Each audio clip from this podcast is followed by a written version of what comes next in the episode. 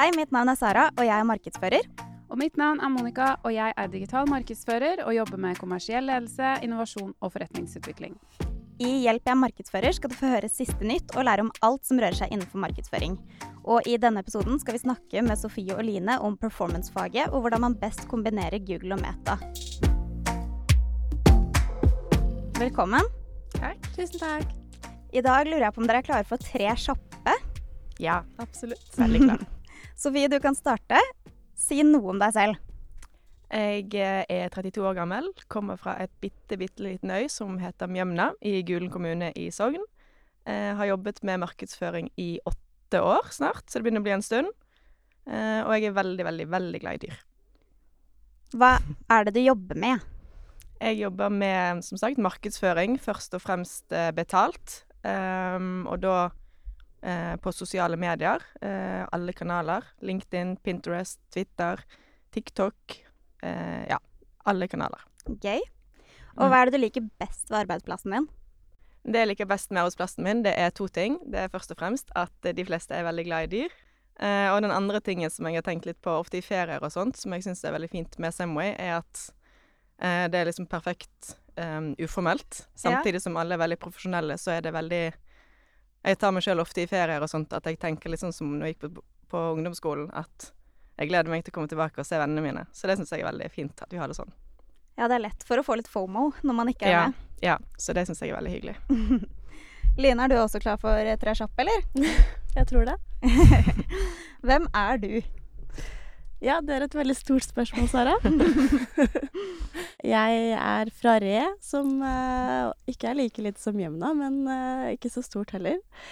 Eh, jeg har jobbet i Semway i seks år nå, så jeg også begynner å kunne ganske mye om markedsføring, vil jeg tro. Gammel traver. Eh, gammel traver. Og hva er det du jobber med? Eh, jeg jobber med Jeg er jo performance-spesialist, eh, så jeg, jeg jobber jo med eh, betalt annonsering i egentlig de aller fleste kanaler du kan få. Eh, men eh, jeg har mye sosiale medier, men også Google. Ja. Hva er dine favorittoppgaver på jobb? Eh, mine favorittoppgaver eh, Det ene er at når vi får inn kule kunder, eh, hvor man får fritt spillerom, og de, eh, de lar oss være kreative og gjøre det vi er best på, eh, da, er det, da er det aller gøyest å jobbe med kundene. Så eh, sånne type oppgaver liker jeg veldig godt, fordi eh, det er da også vi leverer best eh, og har det gøyest. Dere er jo begge performance-spesialister med litt Mm. ulik vekting. eh, og jeg lurer egentlig på hvordan dere jobber med det, for det er jo både eh, et fag hvor du skal være kreativ, men også analytisk. Hvordan gjør dere det her? Um, ja, det er et godt spørsmål, Sara. Mm. Ehm, det er jo eh, Altså, når vi, får inn, eh, når vi får inn en kunde eller begynner på et nytt prosjekt, så går man jo innom både det kreative og det analytiske. Eh, og man, man starter egentlig veldig blandet. At det er både liksom kreativt med å få opp de kule ideene, men også se på liksom ja, bruke statistikk fra Google Analytics og liksom eh, se på hvem er målgruppen. Og så, da, da er det veldig blandet. Og så når vi begynner med eh, selve liksom eh, produksjonen og sånne ting, så går det mer over på det kreative. Eh, og så avsluttes det ofte mer analytisk med liksom eh, å se på resultater og rapportering og den biten. Så Mm. ja. Så det er Ja. liksom en god blanding. Mm. Og så er det veldig um, kult sånn Nå jobber jo Line eh, litt mer i tospann enn meg. Jeg er først og fremst sosiale medier. Line er mer på Google i tillegg. Eller sånn som du sa det veldig fint, at du syns eh, du kan koble av på begge plattformene. At på Google kan du jobbe mer analytisk nesten, og ha mer, det er mer strengt. Eh, hvordan man setter opp kampanjer og sånn, mens på sosiale medier har du mer spillerom, og du må egentlig være mer kreativ både med bilder og tekst, og ting skjer mye raskere. Eh, så at det òg blir på en måte en avkobling, at du kan jobbe i begge de arenaene, da, både jobbe veldig strategisk i Google, for eksempel, Mm. eh, men hoppe over og kombinere det med sosiale medier, der man kan leke seg litt mer og hoppe Mm. litt mer på trender og sånt, da. Så det er en veldig fin kombinasjon å ha de to eh, på samme kundene. At man får liksom se litt begge sidene av det, og får litt mer variert arbeidsoppgaver. Ja. Og jeg Mm. har kanskje litt sånn to personligheter òg, fordi jeg Mm. liker begge deler. Eh, og det spørs litt på dagsformen hva jeg har lyst til den dagen. Sånn åh, skal jeg være kreativ i dag, eller har jeg bare lyst til å sitte og nøle ned i Mm. tall og Mm. Ja. Så det passer meg perfekt. Mm. Men sånn for eksempel på Fodora-caset, Sofie. Mm. Der var det jo egentlig en rekrutteringskampanje som skulle være ganske analytisk. Er det ikke sånn det var? Mm. Og så har dere gjort det på, valgt å gjøre det på en litt annen måte i samsvar med kunden. Mm. Eh, ja, det er et veldig kult prosjekt. Eh, og Semri har jo nylig mm, satset på at vi vil ha ta mer eierskap til det organiske innholdet vårt sjøl, eh, og produsere det in-house, i motsetning til tidligere og mer tradisjonell måte for byråer å jobbe på, hvor vi er mer avhengig av at kundene eller et, en tredjepart produserer innhold for oss. Så ville vi ta mer eierskap til det. Og Foodora det var et av de første casene vi fikk muligheten til å teste det. Eh, så det vi gjorde da, var at det gikk jo fra at Foodora egentlig hadde mm, De hadde kjørt mange rekrutteringskampanjer tidligere, men da hadde de brukt mm, innhold eller bilder fra hovedkontoret i Tyskland, som de sjøl kalte på en måte et litt sånn stort rosa maskineri. Mm. så nå ville de ha et performancebyrå i Norge som kunne ta det litt mer nærmere de. Først og fremst for å sette opp en kampanje, da, eh, men så pitchet vi at vi ønsket òg å ta med eierskap til å sette opp organiske kanaler for Dette var jo for Dora Riders, eh, rekrutteringskampanje til syklister og bud. Eh, så det handlet ikke noe om takeaway og den delen av Fodora. Eh, så derfor så ønsket vi å sette opp eh, både Instagram- og TikTok-kanaler, og kjøre både organisk innhold hvor vi viste mer av hverdagen til syklistene på bakkeplan, hvis man kan si det sånn. Ja, ja. Eh, fremfor å snakke litt sånn ovenfra og ned til som Foodora, eh, som et stort maskineri, og ned til å rekruttere bud, da. At vi skulle være litt mer relaterbare. Em, så det var veldig gøy at Foodora gikk med på det og syntes det var en kul idé, og lot oss egentlig ta eierskap til det. em, og lot oss komme og eh, bli med Foodora-syklistene i hverdagen sin da, på forskjellige settinger. Når de leverte mat, når de hadde stands, eh, og forskjellige kule ting som de gjorde eh, for budene, da, og med budene, for å vise litt mer hverdagen deres. Eh, og så ville vi liksom at det skulle bli ikke bare en trafikkannonse med søk nå-oppfordring, men vi brukte mer og mer av dette organiske innholdet, eller når jeg sier organisk, nå er jo dette en markedspod, så de fleste vet jo hva vi mener med det, kanskje, men altså at de, eh, innholdet som produseres på de eide kanalene, da, at vi fokuserer mer og mer på å booste det, istedenfor å bare sette opp en ren kampanje som kjøres i feeden. Ja, for dere gjorde jo et par ting med denne kampanjen som ikke har vært eh, vanlig for Semway å gjøre, i hvert fall. Eh, Mm. blant annet eh, så tester dere ut noen nye kanaler. Mm. Eh, og dere hadde jo en del fokus på historieformidling og kjennskap. Mm. Eh, og dere har jo også koblet på nyhetsaktuelle ting. Mm. Eh, kan ikke du fortelle litt mer om det også, i forbindelse med det her? Jo, eh, etter hvert som vi satte i gang og klarte Vi leverte jo Vi så at det funket veldig bra. Vi fikk veldig gode resultater som gjorde at Foodora ga oss veldig stort spillerom til å egentlig gjøre akkurat som vi ville. Eh, som jeg syntes var veldig kult, for jeg fikk lov til å flytte budsjetter der jeg ville, til de ulike sosiale kanalene. Eh, blant annet Jodel, som eh, vi fikk lov å teste. Og Jodel er enn så lenge en ganske ny annonseringsplattform i Norge. Eh, så det var viktig for oss å på en måte snakke litt på jodelspråket, og uten å være for pushy med reklame. Eh, så det vi gjorde, var at vi lagde Vi hacket på en måte systemet med å lage jodels som så ut som Eller bilder og annonser som så ut som vanlige jodels.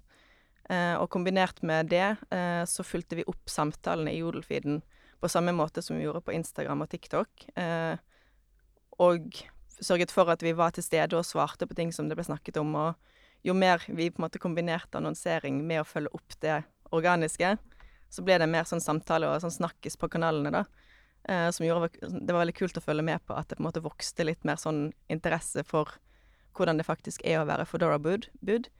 Um, så det var veldig, veldig gøy å følge med på. Og vi em, så òg at vi på en måte var med på å bygge eh, Det var ikke helt intensjonen, men det ble på en måte mer og mer underveis. At vi lagde en sånn community, eller en fellesskap, mellom Foodora-syklistene, fordi mange opplevde Veldig mange syklister er eh, internasjonale, og kanskje nye i Norge. Eh, men her fikk de på en måte, både på Instagram og TikTok, en mer sånn felles plattform der de kunne møte hverandre og eh, bli kjent med hverandre og se litt av hverdagen sin og ha mer en følelse av at de har kollegaer, da, enn at de er alene og styrer sitt eget skift. Eh, så det var veldig hyggelig å være såpass inni kunden, eller på en måte at vi kunne ta eierskap til den, denne delen av det òg, da, og som gjorde dette en mye finere kampanje enn at det var kun fokus på dette her at vi skulle rekruttere så mange som mulig, så fort som mulig. Eh, som resulterte resultert i sjukt gode resultater. Så det var veldig gøy. Det er jo faktisk veldig viktig å nevne at uh, en markedsføringskampanje eller reklame kan gjøre mer enn bare salg. Uh, det kan være med en drivkraft på endring, og det kan samle folk. Og, mm. og det føler jeg også noen av de tilbakemeldingene vi har sett uh, komme fra denne kampanjen, viser oss at dere har fått til. Mm. også samarbeidet deres internt har jo vært fantastisk i løpet av den, det caset. Mm. Og også samtalene rundt lunsjbordet og i andre mm. tilsetninger. Men uh, du Monica, den måten her å gjøre rekrutteringskampanjer på, uh, hva tenker du det har å si for kundene f.eks.? Altså, jeg tenker at dette her er jo en game changer i markedet. Eh, tradisjonelt så har man jo brukt finn.no, eh, rekrutteringsbyråer, eh, for å finne kandidater. Men med metodikken som eh, Sofie beskriver her, så kan vi jo nå potensielle kandidater der de er, mm. med langt større treffsikkerhet med hjelp av algoritmene. Og nøkkelen er jo selvsagt eh, innholdet. Eh, det må være kanaltilpasset og laget for mottaker. Og jeg ser jo forresten at McDonald's kjører en stor rekrutteringskampanje for tiden. Og den kjøres omnikanalt med en tradisjonell kanalmiks. Og jeg skulle gjerne likt å sammenligne resultatene fra vår kampanje med, um, med denne. For her tror jeg vi ville funnet store forskjeller, eh, spesielt da med tanke på CPA, altså kostnad per konvertering, eller innkommende søknader, da. Mm. Det er også litt spennende å nevne da, at um, på, denne, på, dette caset her så hadde dere Hvor mange produksjonsdager var det? To og en halv cirka. Ja, Og det ga dere innhold for hvor mange måneder? Nesten seks-syv måneder, og nå skal vi fortsette med dette innholdet videre. Kampanjen, eller Kontrakten er egentlig avsluttet, men vi fortsetter siden det går så bra. Ja, for dere har jo drevet med mer sånn upolerte, litt mer sånn Mm, vi har gjort det veldig lavbeint og brukt uh, både bilder som vi har tatt sjøl av syklistene ute i felten, på en måte, men òg mer og mer på slutten nå så har vi sett at det fungerer ekstremt bra med Eller jo mer vi har engasjert syklistene, eller budene, uh, så har de syntes det var gøy og blitt mer stolt av jobben sin og sendt inn egen, egne bilder fra hverdagen sin og selfies med både sitater og um, setninger om hvordan de syns det er på jobb, da, og hvorfor de syns det er kult å jobbe i Foodora, som har jo vært en kjempegod godt underlag som vi kan booste og kjøre til annonsering òg, for å rekruttere flere.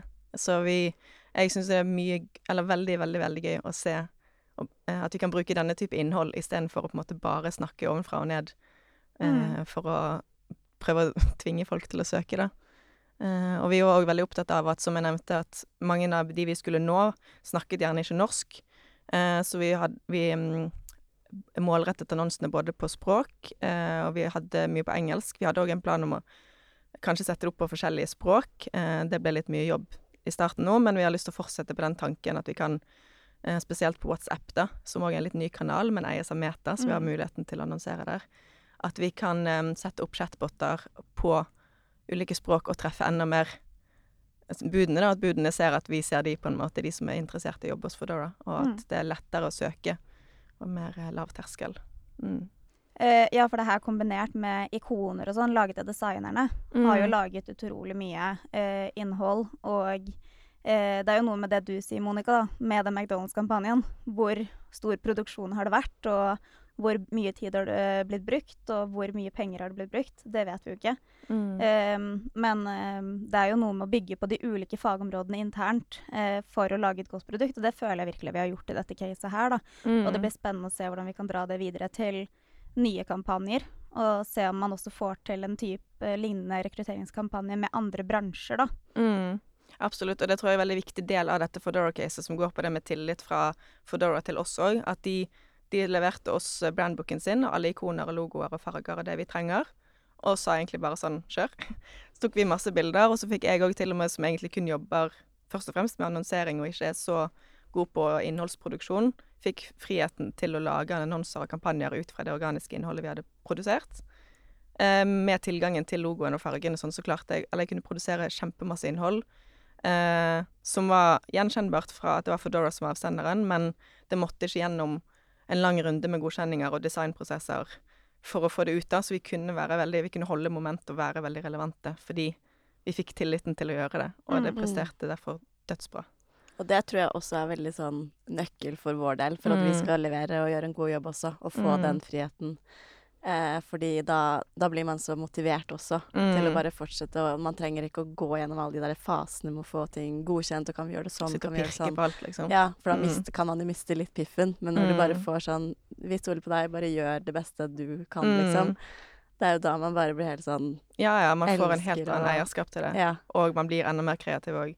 Ja. Sånn, jeg bare skulle først begynne å sette opp noen eksempler til Jodel, så bare eskalerte det. For jeg begynte med flere farger. Og, ja, og så bare syns jeg det var dødsgøy å jobbe med det, fordi jeg fikk muligheten til å leke meg litt og være kreativ, da. Ja. Eh, så jeg tror det er en veldig viktig del av jobben vår som gjør det veldig gøy. At vi ser en endring i markedet nå. At kundene begynner å tørre å satse mer. Mm. At ikke det må være så polert og så tradisjonelle reklamekampanjer, da, som Mm. det har vært. Over på en litt annen ting. Eh, her jobber jo dere begge to på SoMe. Eh, jeg retter det spørsmålet her litt mot deg, Sofie. Men en verden som er i hyppig endring, eh, kjapt tempo og har veldig mye fokus på eh, ha det gøy. Hvor viktig er det egentlig å være gøyal på sosiale medier versus å drive med den tradisjonelle eh, markedsføringen, mer met metodiske markedsføringen? Eh, må det være gøyalt, snappy og raskt på sosiale medier, eller kan man eh, lage det på en annen måte og fortsatt få det til å funke? Mm, det er jo ikke et enkelt svar på det. Eh, jeg tror at eh, nøkkelen er litt en kombinasjon av begge. Eh, men som vi snakket litt om i sted, så ser vi en endring i markedet nå. At man, det, man tør å være litt mer leken, og man tør å være litt mer upolert. Som jeg tror fungerer veldig bra og er veldig viktig. At kundene, spesielt på noen nye kanaler, sånn som TikTok f.eks., at man tør å ikke være så polerte da, og tør å vise bedriftene fra en litt annen side. Samtidig så er det jo sånn som med Foodora òg, og andre kundecaser vi har, at det hjelper jo selvfølgelig om man har den tyngden i bunn, som Foodora og Holmenkollen skifestival, at vi har, de har en sterk merkevare som gjør at når vi da får logo og ikoner og sånt, at det er lett å knytte det opp mot en allerede eksisterende sterk merkevare. Eh, så det er jo nok Ja, jeg vil ikke skrinlegge tradisjonell markedsføring og den grunnjobben som ble gjort der, men ehm, Men men på sosiale medier så ser dere nyttigheten da, av å ha Ja. det mer eh, fortgå, altså fortløpende Ja, man må være og snappy. morsomt. Ja. ja. Mm. Du, og du, må, du har mye kortere tid, som gjør at Sånn som jeg Foodora igjen, nå bruker jeg det eksempelet hele tiden, men muligheten til at hvis det På TikTok spesielt, der skjer jo trender såpass fort at du har kanskje bare maks en uke på å hoppe på en trend. Hopper du på den seinere, så er du Da får du veldig mye motsatt effekt av det du ønsker, at du blir utdatert og ledd av. Eh, så da fordelen med at Foodora hadde eh, At vi hadde tilgang til alt materiell vi trengte for å lage innhold kjapt og hoppe på trender og ting som skjedde, f.eks. Maskorama, halloween, eller ting som skjer i samfunnet på, og på TikTok med lyder og trender som plutselig, plutselig bare oppstår en dag, og så eh, forsvinner det like fort nesten. Så har man ikke tid til å gå nøye gjennom innholdet før man publiserer det. Ja, for det er jo litt det vår, eh, en av våre SoMe-spesialister også på organisk har nevnt, da, at eh, man trenger ikke nødvendigvis å gjøre alle trendene som kommer på TikTok, og man trenger ikke å stå der og danse eller synge, men man må være med, og man må være i loopen, eh, Mm. og man, man, man må målrette seg til den målgruppen man faktisk ønsker, for det, Mm. ingen, altså det har ingenting å si om du har 100 000 følgere, men ikke får sagt det du ønsker, eh, versus å ha ti dedikerte, da. 10 000 dedikerte, eller ti for så vidt også. Men eh, eh, Så Mm. det er jo noe i det. Men eh, Absolutt. Absolutt. Og så er det en veldig viktig sånn balansegang på å være Ikke prøve for hardt òg. Noen bedrifter vi ser på TikTok spesielt, der, som prøver litt for hardt med å hoppe på trendene. At det òg kan være litt skummelt hvis du, ja, hvis du skal være altfor gøyere eller snappy. Du må på en måte Ja, jeg vet ikke helt. Det blir jo litt sånn dobbelt eh, svar, eller motsigende svar, da, men Ja, ja. at det er en veldig fin balansegang der. For det skal lite til før du blir slakta på TikTok, spesielt som bedrift og som eldre, hvis man kan si det sånn. ja, for det kan kanskje bli litt kleint òg. Ja, ja, ja. Og om det er politi på TikTok som tar deg på det hvis du er klein. Så ja. Ja. man sier jo at TikTok har lov til å gjøre alt, at du ikke må bare tørre å feile, men samtidig så er det veldig mange som er ute og arresterer deg hvis du feiler. Så det er jo ikke bare bare. Ja. Eh, hva med deg, Line? Hvordan fungerer det her på Google, f.eks.? Eh, det, Google er jo en litt eh, annen kanal sånn sett. Eh, der jobber man jo mer med en, en lengre strategi, og man kan også hoppe på trender eh, der også, men kanskje ikke like hyppig som man gjør på sosiale medier. Eh, det går kanskje mer på sånn eh, søkevolum, og eh, at man kan hoppe på noe som skjer her og nå. Men eh, der så blir det jo mye mer å ja, legge en strategi og et mer always on-løp. men mm. man, man, har jo også det i sosiale medier. Men eh, i Google så er det jo virkelig et always on-løp eh, som bare går og går og går, og så optimaliserer man etter hvert. Du jobber jo i større grad enn Sofie på ulike kanaler. Mm. Eh, og en ting jeg lurer på, Line, er hvis du skulle valgt å jobbe med SoMe, nei, Meta eller Google, hva ville du valgt? Ja. Eh, det er jo det er litt det vi snakket om i stad, eh, med det kreative og det analytiske. Eh, og det er veldig vanskelig for meg å velge en der fordi at jeg er litt sånn ja takk, begge deler. Eh, og jeg er litt sånn etter hvilket humør jeg er i, hva jeg liker best. Så jeg klarer jo ikke å velge, fordi det spørs helt på dagsformen. I dag så kan jeg svare Meta eller sosiale medier. Men i morgen så svarer jeg kanskje Google, da. Fordi at jeg er i det moodet at i morgen så har jeg lyst til å bare sitte og nøle. så i dag svarer du altså? I dag, I dag svarer jeg sosiale medier. OK. Ja. Så da dreper du Google? OK, ja, i dag så gjør jeg det. Ja. ja.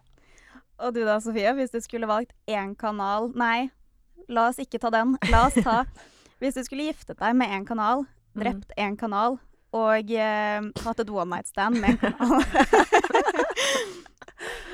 Jeg var litt spent når du tok den norske versjonen. ja, jeg var spent hva du skulle si for det siste ordet. Ja, for det her er jo faktisk en uh, trend på sosiale medier. Det er mm. fuck, marry, kill. Mm. Uh, så nå skal du få lov til å ta det på dine kjære kanaler og forklare hvorfor. OK. Uh, vi kan starte med one night stand, eller fuck. um, der tror jeg helt klart jeg ville valgt TikTok, fordi det er en veldig spennende kanal, Uh, og den er en litt sånn teaser-kanal, for det er litt sånn lotto, egentlig, hva som funker og hva som ikke funker. Og det gjelder både ting vi legger ut organisk, uh, men òg med annonser. At liksom det vi har minst troen på, går plutselig viralt, og motsatt. At det vi har mest troen på, får ikke så mye rekkevidde.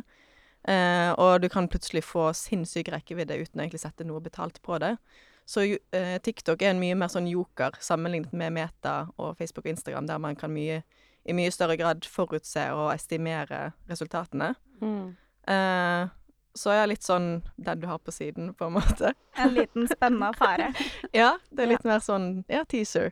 Eh, så den ville jeg definitivt tatt på fuck. Eh, giftermål da, Sofie? Ja. Hvem ville du gifte deg med? Jeg ville helt klart giftet meg med Instagram. Uh, Instagram ligger under Meta, så Facebook ligger der òg, men jeg ville ikke giftet meg med Facebook organisk.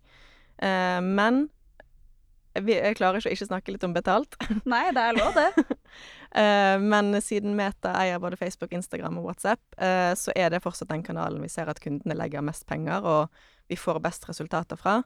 Så selv om kanskje Facebook er en døende kanal, så vil jeg si at de har gjort noe veldig lurt med at de har kjøpt Meta og WhatsApp, som er fortsatt veldig viktige kanaler. Eh, så det er fortsatt min go to, på en måte baby, mm. som jeg alltid faller tilbake på. Og det er der jeg helt klart bruker mest tid av min arbeidsdag på å sette opp annonser og eh, organiske profiler. Eh, ja. Så siste Ja, det er Hvem du vil drepe. Ja, det er spennende.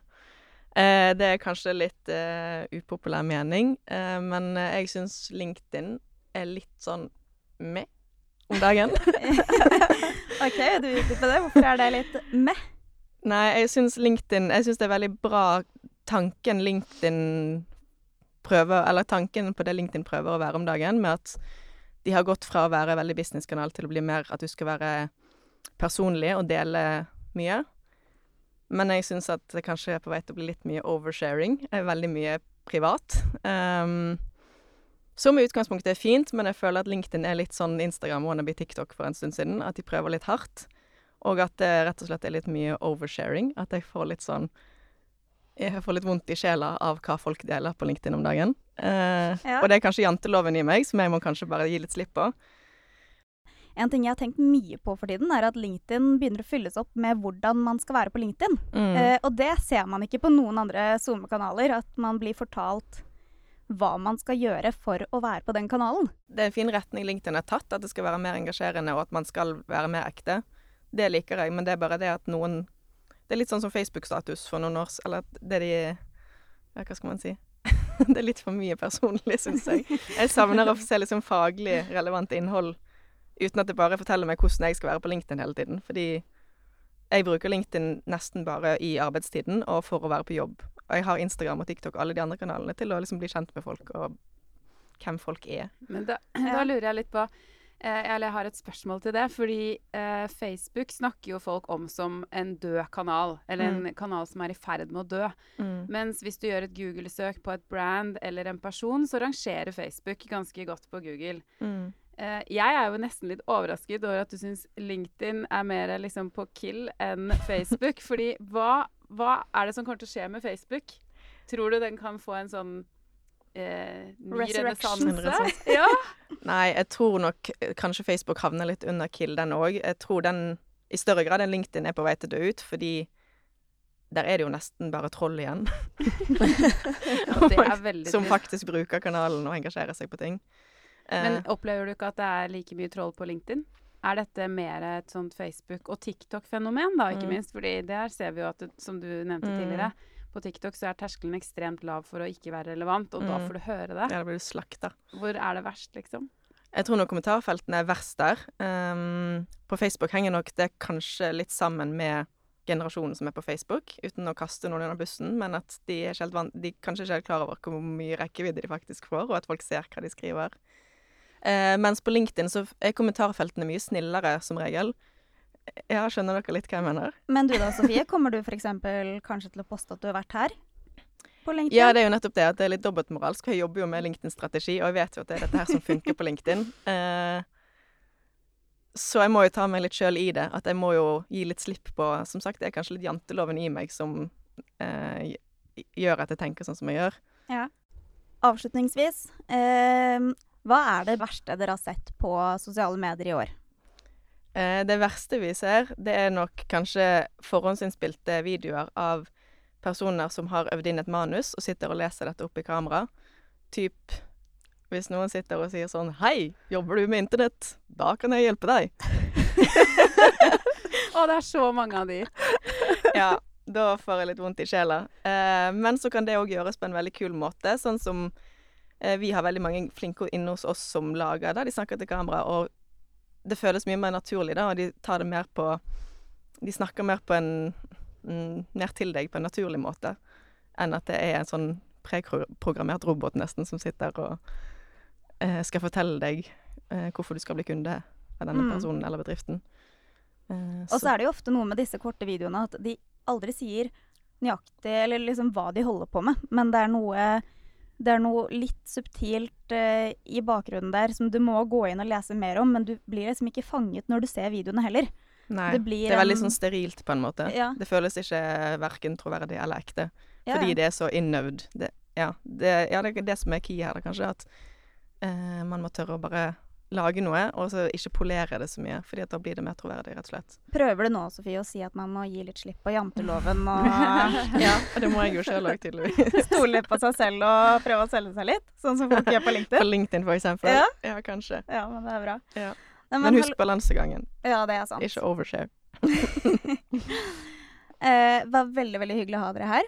Eh, det er jo veldig mye mer om det her som vi ønsker å finne ut eh, av Monica, spesielt i forhold til betalt og eh, både Google og SoMe. Eh, og mye nytt som skjer der i verden også nå med AI og sånn, som vi sikkert kommer tilbake til. Eh, veldig hyggelig å ha dere på besøk. Takk for at dere vil komme. Takk for at du fikk Tusen takk.